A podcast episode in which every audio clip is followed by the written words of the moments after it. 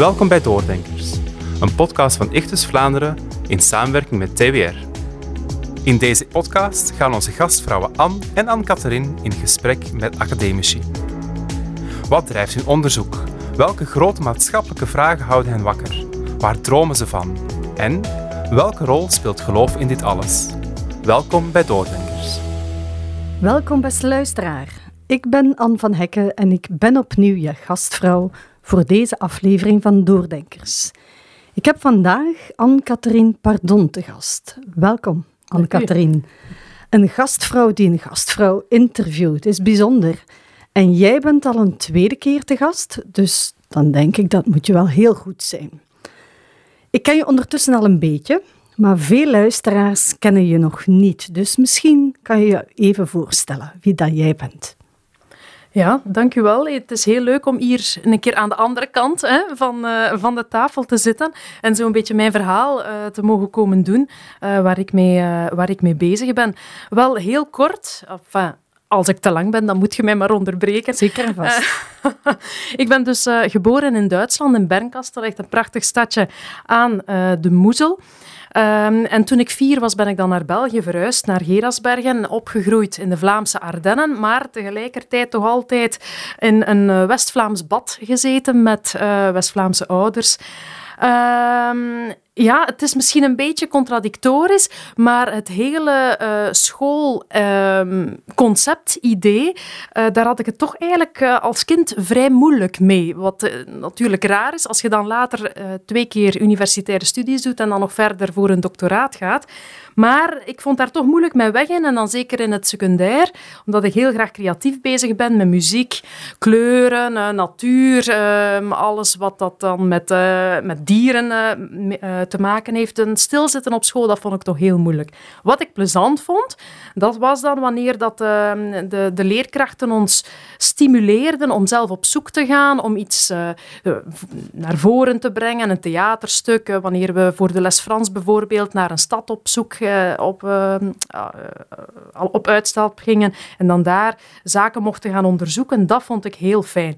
Het was dan ook heel moeilijk voor mij om de keuze te maken voor om uiteindelijk een, een studiekeuze te gaan maken in het zesde middelbaar. Ik heb daar heel lang zitten mee, mee sukkelen en doen. Ik was aan het twijfelen tussen talen, psychologie, rechten, theologie, geschiedenis. En eigenlijk, ja, dat is toch een beetje uh, Gods humor, denk ik dan. Omdat juist hetgene waar ik nu mee bezig ben een exacte mix is van die verschillende interesses waar ik tussen getwijfeld heb in het, uh, in het zesde middelbaar. Nu, van jongs af aan ben ik ook altijd heel betrokken geweest in, uh, in de kerk. Um, ja, er is eigenlijk geen dag uit mijn leven dat ik uh, kan zeggen van dat was een dag zonder mijn grote vriend Jezus Christus. Ik heb dat voorrecht, voorrecht gehad om te mogen opgroeien in een christelijk gezin. En dan ook heel gestimuleerd geweest door Jannes en Mathilde Kelkhuis, de oudsten, om um, gehoor te geven aan een roeping en muziek daarvoor te gebruiken, uh, de dienstleiding te mogen doen, verantwoordelijke van de aanbiddingsgroep. Dan in de theologie gerold in 2004, hier op de ETF, een open dag bezocht. professor Barendsen aan het woord gehoord. Ik vond dat echt fantastisch en ik, en ik dacht van ja, dat is nu echt hetgene dat ik wil gaan doen. Um, ondertussen ook mijn echtgenoot uh, leren kennen hier in de wandelgang en die hier ook een, uh, een doctoraat uh, doet. En zo ook in de pastorale bediening dan gerold, want hij was toen al predikant.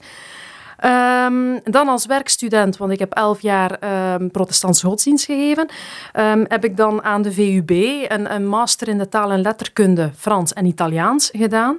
Dat vond ik echt een, een zalige periode. De, de, elke keer dat ik op de campus daar kwam, dacht ik, ach, heel fijn om hier weer, uh, om hier weer te zijn. Een, een super interessante uh, setting. En dan in uh, 2018 ben ik beginnen werken met ja, de enthousiaste steun eigenlijk van mijn twee huidige promotoren, dus professor Andreas Beck en professor Anne Peters. Andreas Beck van de ETF en Anne Peters van de VUB aan een doctoraatsvoorstel. en dus nu sinds twee jaar ben ik aan het werk als ehm, FWO-onderzoeker hier aan de ETF Leuven en ook voor uh, de VUB Brussel. En dat is dan echt een combinatie van theologie en taal en letterkunde waar ik mee bezig ben. En in heel die soep zijn er ook nog drie pareltjes uh, geboren. Dus ons oudste zoon, uh, Ben Caleb, die wordt in mei vijf. En dan hebben we ook een tweeling, uh, Ruben en Ethan. En zij zijn één geworden in november. Het viel mij op uit jouw verhaal dat je in jouw jongere jaren moeilijk kon stilzitten. Maar ik kan me natuurlijk wel voorstellen, naast drie kinderen opvoeden, in volle glorie en in volle ontwikkeling, dat dat inderdaad geen stilzitten is. Maar jou, jij bent momenteel bezig met onderzoek. Uh, je doet onderzoek naar Gerard Kittel, waar mhm. dat je waarschijnlijk heel wat zittend in boeken snuistert, in documenten snuistert. Maar wie was Gerard Kittel? Kan je daar wat meer van vertellen? Wel, Gerard Kittel, dat is dus een, uh, een Luthers theoloog. Um, geboren in 1888, overleden in, 1904, uh, in 1948. Dus hij leefde, hij heeft eigenlijk een heel interessante, um, intense periode meegemaakt beleefd van binnenuit, laat ik het mij zo zeggen. Dus uh, de, de Weimar-republiek, dan eh, het, uh, de, de opkomst van het nazisme, Nazi-Duitsland. Daarin was hij dus als Luthers theoloog, als um, Nieuw-Testamenticus aan het werk. Um, hij is ook een van de eerste die echt een, een, een kennis had van um, Joodse teksten, van rab rabbijnse teksten.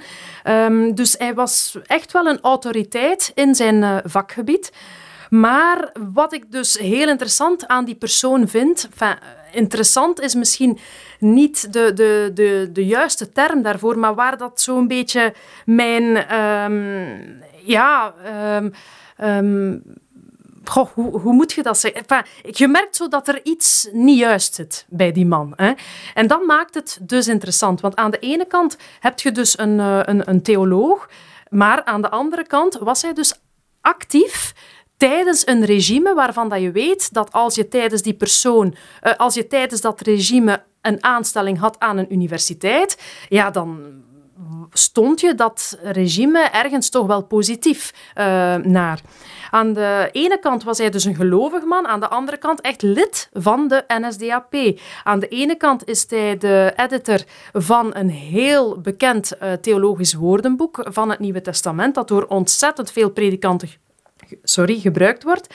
Maar aan de andere kant was hij ook betrokken bij onderzoekscentra van de NSDAP en focuste hij zich op die Jodenvragen, het Joodse vraagstuk dat toch echt wel ja, voor heel veel kopzorgen zorgde in die tijd, of waarvan men zo een situatie gekregen had dat het een vraagstuk was dat voor kopzorgen diende te zorgen. Hè. Dat is misschien beter uitgedrukt.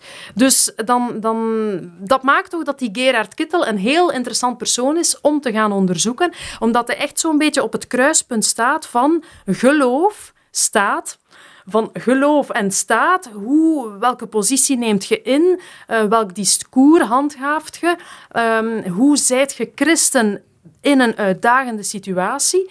Um, ja, en dat maakt dus dat tijdens mijn onderzoek dat ik mij echt ga concentreren, of aan het concentreren ben, op zijn teksten uh, die hij uh, geschreven heeft. Nu toch een man, als ik het goed hoor, met heel veel tegenstellingen en mm -hmm. heel veel ambiguïteit uh, in wie hij is.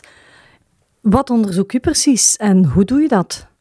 Wel, de titel van mijn onderzoek, of de voorlopige titel, um, is uh, Gerard Kittel, Lutheran Theologian of the Third Reich. An evaluation of his ideology through critical discourse analysis. Een mondvol. Inderdaad, een mondvol. Um, dus ik ga eigenlijk onderzoeken aan de hand van een um, taalkundige methode die ik aan de VUB geleerd heb tijdens mijn, uh, ja, tijdens mijn tweede masterstudie. Uh, dus Critical Discourse Analysis. Um, aan de hand van die methode ga ik onderzoeken of die theoloog beschouwd moet worden als een Luthers theoloog effectief van het Derde Rijk. Dus in hoeverre ziet je in zijn geschriften in zijn theologische geschriften wel te verstaan, in zijn discours, uitdrukkingen, sporen, um, patronen die je terugvindt in nazi-gedachtegoed, in nazi-ideologie. En daarvoor is die methode heel interessant, um, omdat die methode dus zegt... Um, er, zij kijkt dus naar de maatschappij, naar een bepaalde situatie. En die zegt van, ja, daar, daar is iets niet pluis. Zo'n beetje dat gevoel dat je bij Kittel hebt, hè, met die tegenstellingen. Daar is iets niet pluis. En die voelt dus, die methode, die legt de vinger op iets dat verkeerd zit. Um, vaak zijn dat dan zaken zoals machtsmisbruik, racisme, discriminatie. En die gaat dan zeggen um, van ja, hier moeten we toch een beetje dieper op ingaan. Um, want dat is een, een, een soort van misbruik van de taal, misbruik van uw discours, misbruik van uw handelen, misbruik van uw acties, ten koste dus van andere personen, vaak van een minderheid. In het geval van Gerard Kittel is het natuurlijk duidelijk dat je hier met een machtsmis machtsmisbruik zit in een, um, in een nazi-Duitsland naar um, het jodendom toe, maar ook naar andere partijen, hè, zoals de zigeuners of homoseksuelen of, uh, of nog andere categorieën. Dus daarom is dat heel erg uh, interessant. En een discours dat is misschien ook nog belangrijk om te zeggen. Een discours, dat is niet alleen hetgeen je zegt. Hè. Vaak wordt die term gebruikt en, en dan impliceren mensen alleen, ja, dat is in het discours van die persoon, ja, dat is wat dat die gezegd heeft. Ja, niet alleen. Het discours is niet alleen wat dat je zegt, maar dat is eigenlijk ook wat dat je doet, um, wat dat er aan de basis ligt van hetgeen dat je zegt en wat dat je doet. Hè, want words trigger action. Hè. Alles wat je zegt leidt uiteindelijk ook tot een bepaald handelen. Um, als jij bijvoorbeeld op zondag in de kerk steeds gaat preken en zeggen van heb u naaste lief, dan gaat dat echt landen op een gegeven moment. Hè? Uh, en dan ga je op een gegeven moment echt heel erg vriendelijk gaan reageren naar mensen, omdat dat echt het discours is dat je voortdurend hoort. En daar gedraag je je ook naar. Um, dus ja, het onderzoek naar het discours van Kittel heeft in die zin dus niet alleen te maken met de werkelijke teksten dat hij schreef, maar het is ook belangrijk om te gaan kijken naar de context waarin hij leefde, om te gaan zien wat, welke concepten, welke ideeën, welke ideologieën, welke dogmen er aan de basis lagen van hetgeen dat hij gezegd heeft. Ik vroeg me nog af, wat heeft precies jouw keuze bepaald voor die theoloog? Je hebt natuurlijk ja, de luxe dat je hier de twee zaken waar je heel erg in thuis bent, enerzijds taal en anderzijds het evangelisch gedachtegoed vanuit jouw andere opleiding, die je hier kan combineren. Maar van waar Gerard Kittel of van waar dit topic? Um, wel, het topic, dan moet ik eigenlijk zeggen, dat is... Goh, ik kan bijna zeggen dat het er met de paplepel ingegoten is. Mijn, eh, mijn mama heeft uh, theologie gedaan aan, aan de Keul, dus...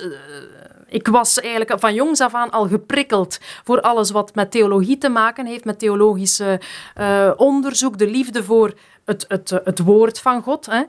En dan mijn vader, hij is, uh, hij is arts, maar ook ja, hij heeft ook als paracommando uh, gewerkt. En dus ik denk dat hij op die manier ook heel erg geïnteresseerd geweest is in alles wat dan met oorlogsgeschiedenis uh, te maken had. En daar heb ik toch ook heel veel van opgestoken. Dus uh, zijn snuisteren naar die, uh, naar die tijd heeft bij mij toch wel, al vooraleer ik hier op de ETF en vooraleer ik aan de VUB kwam, ja, de interesse en de neiging naar dat soort thema's dus um, wakker gemaakt. Bij mij was er onmiddellijk wel ook de link toe naar, ja, wat doet dat nu juist met mensen? Um, dus eh, heel specifiek ook van ja, hoe stonden christenen daarin? Um, dat, uh, dat vind ik dus ook heel, uh, heel moeilijk. Um, om toch wel te moeten zien dat bij een persoon als Kittel dat die ambiguïteit er is. Ik vind dat persoonlijk heel confronterend. Mm -hmm. Ik zou het veel gemakkelijker vinden moest onze geschiedenis een, een geschiedenis van Bonhoeffers zijn, die heel duidelijk een stelling uh, gaan innemen. Maar je ziet toch Um, bijvoorbeeld bij Kittel, en hij was verre van de enigste, dat moeten we ook echt uh, zeggen, maar dat er toch wel ambiguïteit is.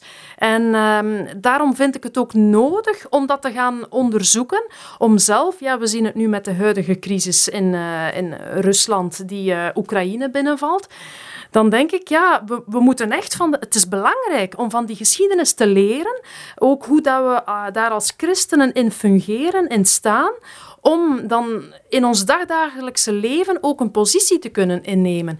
Als je bijvoorbeeld ziet uh, bij bij Poetin en die, uh, die Kirill nu, die dan, en dat stond uh, onlangs op de nieuwsite van de VRT, dat ze dan dromen van een groot Russisch-orthodox rijk ehm, dan denk ik van, ja, maar oh, pas op om dat zo te gaan vermengen, staat, geloof. Je ziet bij, ja, ten tijde van Gerard Kittel, waartoe dat dat geleid heeft. Hè? Dat dus eigenlijk um, niet-christelijke opvattingen echt voet aan de grond krijgen in een bijbels, uh, in een bijbels tussen aanhalingsteken en christelijk tussen aanhalingsteken discours.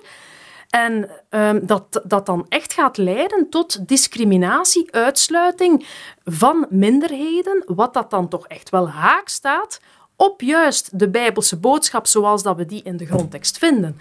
Je ehm, loopt een beetje voor op mijn volgende vraag, denk ik. In die zin van, zijn er al zaken uit jouw onderzoek, ook al zit je er nog volop in, zijn er al zaken die je al geleerd hebt, die je al kan meegeven, die je al weet?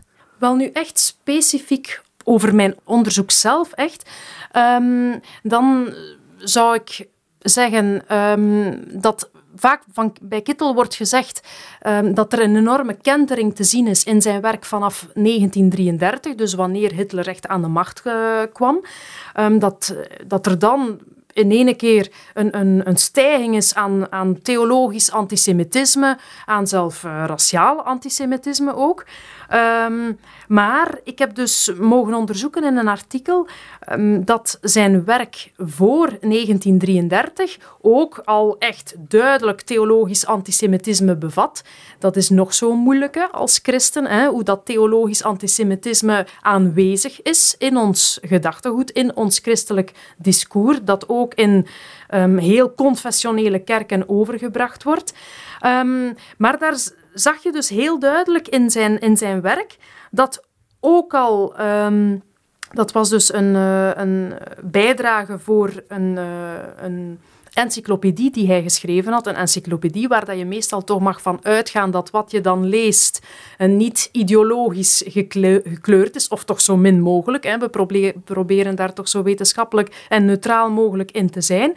Maar daar zag je dus dat als je um, dat artikel naar de inhoud gaat opdelen, dat een derde van het artikel uh, gaat over de, de band tussen Israël en het uh, Joden, uh, tussen Israël en het christendom liever. En dat hij daar echt gaat accentueren dat, er, um, dat Jezus een Jood was, dat de apostel een Jood is, dat we um, voor altijd met elkaar verbonden zijn. Wat natuurlijk in 1929 bijzonder was, want er waren heel veel die dat juist liever niet uh, accentueerden, omdat er een beweging op gang kwam om uh, Jezus zoveel mogelijk te ontjoden.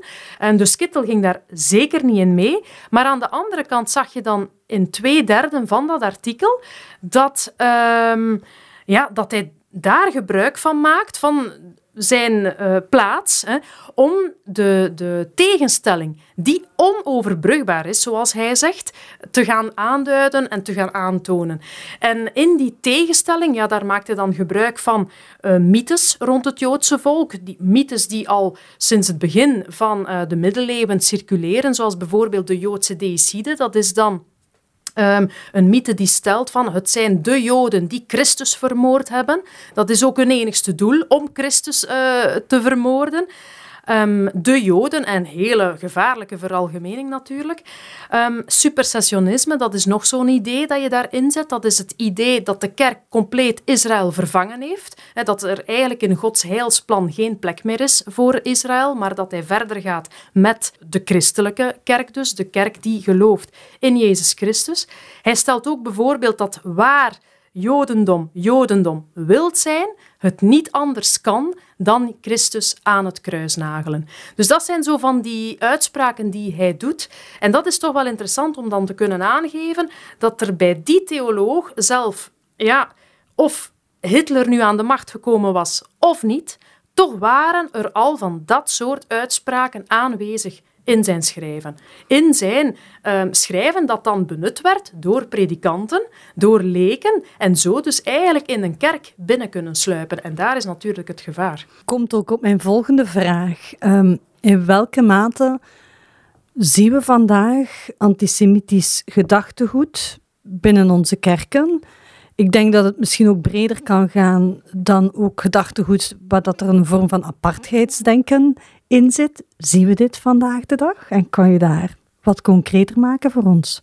Ja, ik ben eigenlijk blij dat je dus die vraag stelt, om, uh, omdat dat iets is waar dat ik ja, toch wel dan door dat, uh, de, door dat onderzoek uh, waar dat ik mee bezig ben, ja, alert voor geworden ben. Hè.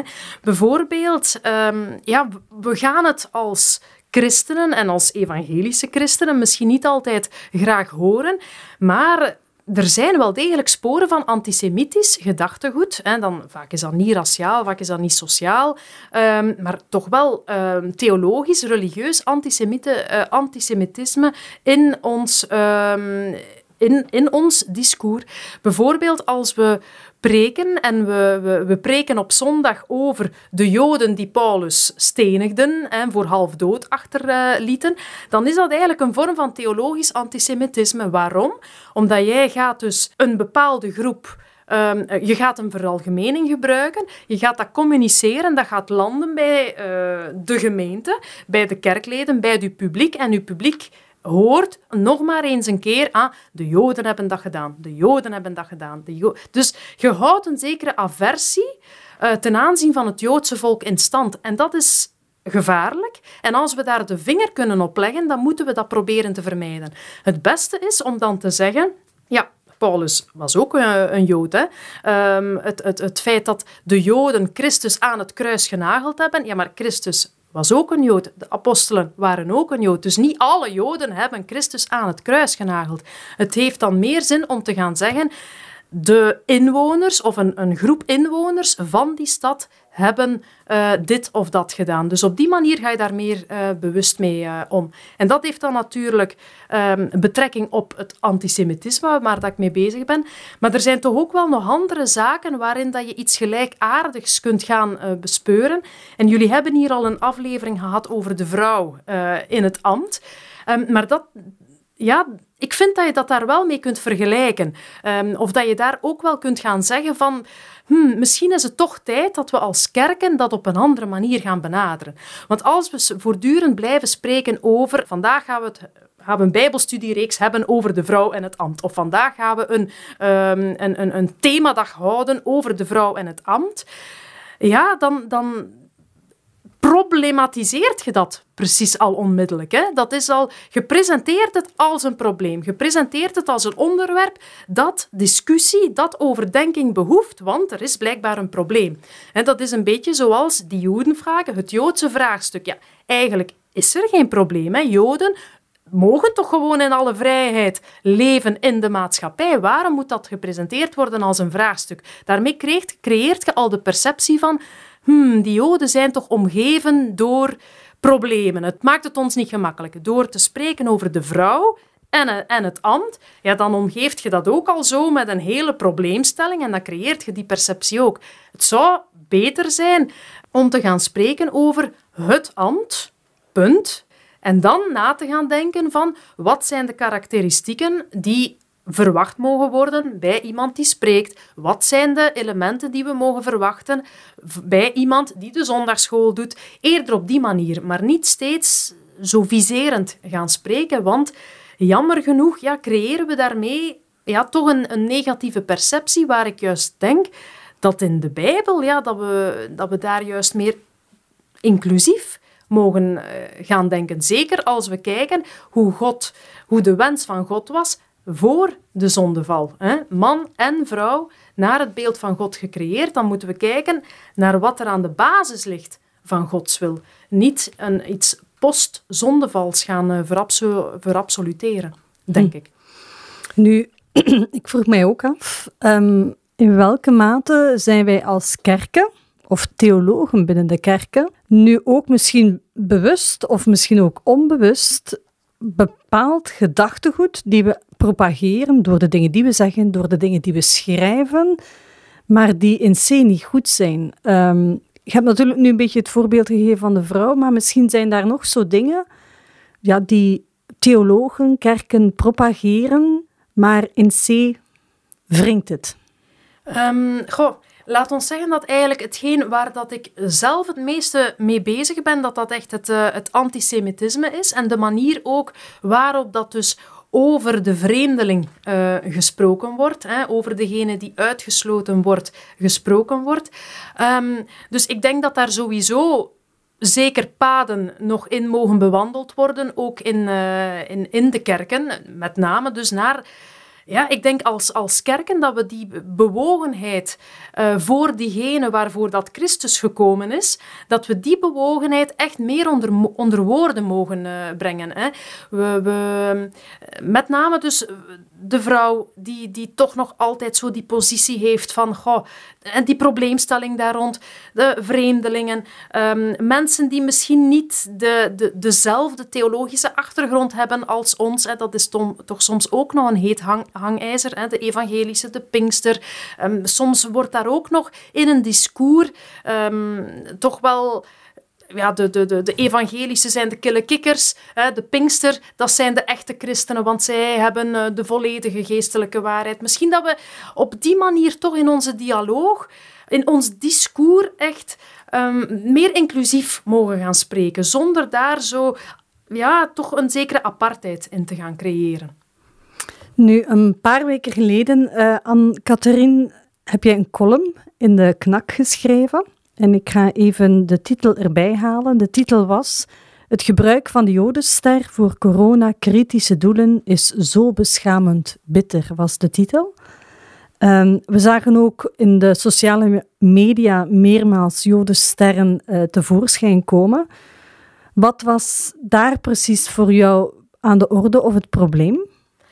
Ja, ik vond dat eigenlijk. Um ja, ik vond dat eigenlijk heel moeilijk. En eh, ik had er eigenlijk al eerder iets over willen schrijven, maar ik was toen zo bezig met pasgeboren baby's. Meervoud. Begrijpelijk, hè? Ja.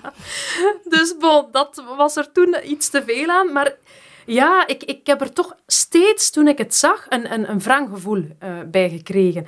Nu, wat dat, wat dat het probleem voor mij was, is dat er twee zaken met elkaar vergeleken worden. En natuurlijk, je mocht altijd een vergelijking maken, maar je mocht u wel de vraag stellen bij uh, de pertinentie van een vergelijking. Hè? Want er werden twee zaken met, of er worden soms nog, twee zaken met elkaar vergeleken die volgens mij niet te vergelijken zijn. Aan de ene kant heb je maatregelen die niet leuk zijn voor niemand niet. Ik kan u garanderen, toen dat de eerste lockdown inging, hè, twee jaar geleden, uh, nu denk ik hè, dat, dat, uh, dat dat was. Zoiets, hè? Ja. ja. Um, toen ja, hadden wij juist gemerkt van, ah, voilà, we mogen daar uh, baby's gaan verwelkomen.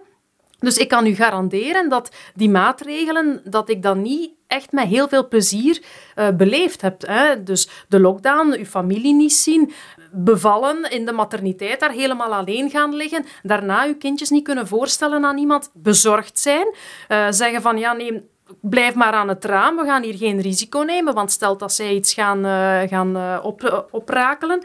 Dus dat was echt geen leuke periode. En iedereen heeft daar een zekere impact door ondergaan. De ene meer, de andere minder.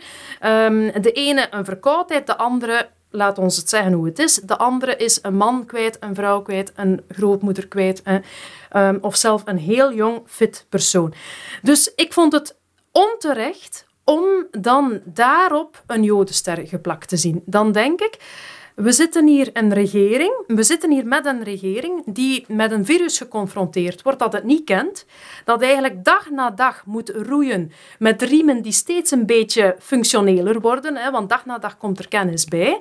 Een regering die een bevolking probeert te beschermen, die probeert oplossingen, economische oplossingen te voorzien. Zijn die geslaagd? Ja, niet 100%. Zijn ze niet geslaagd? Ja, dat kunnen we ook niet zeggen. Hè? Maar in elk geval, we zitten hier wel met een heel andere demarge. De demarge was bescherming en er juist voor zorgen dat de zwakkeren in onze maatschappij beschermd worden. En dan gaat je dat vergelijken met nazi-maatregelen die enkel en alleen het doel hadden om een, een categorie die al helemaal gediaboliseerd was, um, om die uit te roeien, te vermoorden, te vergassen, op treinen te zetten, weg te voeren. Eigenlijk een leven van mensen zoals jij en ik te gaan ontnemen, enkel en alleen omdat ze Jood zijn. Dus je gaat een maatschappij die het beste voor heeft met haar burgers vergelijken met een maatschappij die inherent een slechte, een door en door slechte, destructieve visie had op een onderdeel, op een, op een bepaald deel van zijn bevolking. Dat vond ik er ja, dat, dat, vond ik, ja, daar had ik echt moeilijk, daar had ik het echt moeilijk mee. Ja, heb je inderdaad ook wel heel mooi in die column geschreven en heel helder geschreven, vond ik zelf ook wel. Nu, ik had nog een vraag. Je hebt al een aantal zaken daarvan wel gezegd. Wat zou jij meegeven aan luisteraars, leidinggevenden in kerken, christenen, op basis van datgene wat jij al weet, wat je al gelezen hebt? Je hebt een aantal zaken al gezegd, hè, van eh, hoe we spreken over zaken, maar misschien wil je daar nog iets over kwijt als ik iets zou mogen zeggen wat, dat dan, wat ik graag zou hebben dat bijblijft bij de luisteraar... Het is nu de moment. Dan zou, voilà, we gaan, er, we gaan er gebruik van maken al. Dat is heel goed. Wel, dan zou ik zeggen dat uh, specifiek wat dat het, uh, het Joodse volk betreft, wat dat, dat antisemitisme betreft, dan, ja, dan zou ik ons allen willen oproepen om bewust om te gaan met, uh, met dat onderwerp. Hè. Um, zelf in een heel onschuldige Bijbelstudie hè, verschijnt soms ja, de Joden dit, de Joden dat. Laat ons daarmee, laat ons daarmee oppassen. Hè. We zouden, we zouden kunnen proberen om niet meer zo te gaan spreken in antithesen, hè, um, maar om echt met, met liefde voor elkaar, en dat is dan iets dat niet alleen slaat op het, uh, het Joodse volk, maar ook gewoon naar onze medemens, om niet te gaan spreken in antithesen, maar echt met liefde voor elkaar um, ja, elkaar te gaan benaderen en daar gewoon op een hele bewuste manier mee om te gaan. Um, ik denk dat, uh, dat het belangrijk is om, ons, om te beseffen dat, ja, wat ik daarnet al zei, words trigger action. En als je op een goede manier gaat spreken of gaat um, repareren waar dat je, als, als je beseft van oei oei, ik heb hier iets gezegd dat eigenlijk uh, toch niet zo, uh, zo vriendelijk is. Als je dat dan op een, op een goede manier gaat counteren, ja, dan ga je ook negatief gedrag gaan counteren en verhinderen. En daar moeten we ons zeker als christen uh, bewust van zijn. Ik denk dat als we geloven dat het grootste gebod is, hè, onze Heer, onze God liefhebben met heel ons verstand, met ons ziel, met alles wat dat we in ons hebben, en dat daaraan gelinkt ook um, de naastenliefde uh, daar, daar eigenlijk bijna mee gelijk staat hè, vanuit de, het Bijbelse, de Bijbelse boodschap. Ja, dan denk ik dat het belangrijk is dat we als christen oppassen voor een discours waarin dat er ja, discriminerend gedachtegoed uh, zit. Of dat dat dan naar, het, uh, naar een, een, een ander volk is, het jodendom, een minderheid, of dat dat is naar bepaalde mensen uit onze kerk. De jongeren naar de ouderen toe, de ouderen toe naar de jongeren toe, de mannen naar de vrouwen toe, de vrouwen naar de mannen toe. Laat ons gewoon bewust omgaan met onze, met onze taal, met ons taalgebruik. Een duidelijke boodschap. Uit dit gesprek haal ik een stukje het gebruik van woorden, bewust gebruik van woorden, inclusief denken, die ook gekenmerkt wordt uh, door naaste liefde. Nu, Bedankt voor dat fijne gesprek, uh, Anne-Catherine. Ik voel bij jou heel veel enthousiasme. Uh, zeker nog niet alles is daarover gezegd, maar goed, misschien is een derde keer het nog eens langskomen. Eens jouw doctoraat ten einde is, misschien wel uh, een optie. Ik hoop dat de luisteraars ook genoten hebben van het gesprek. Graag tot een volgende keer voor meer doordenkers.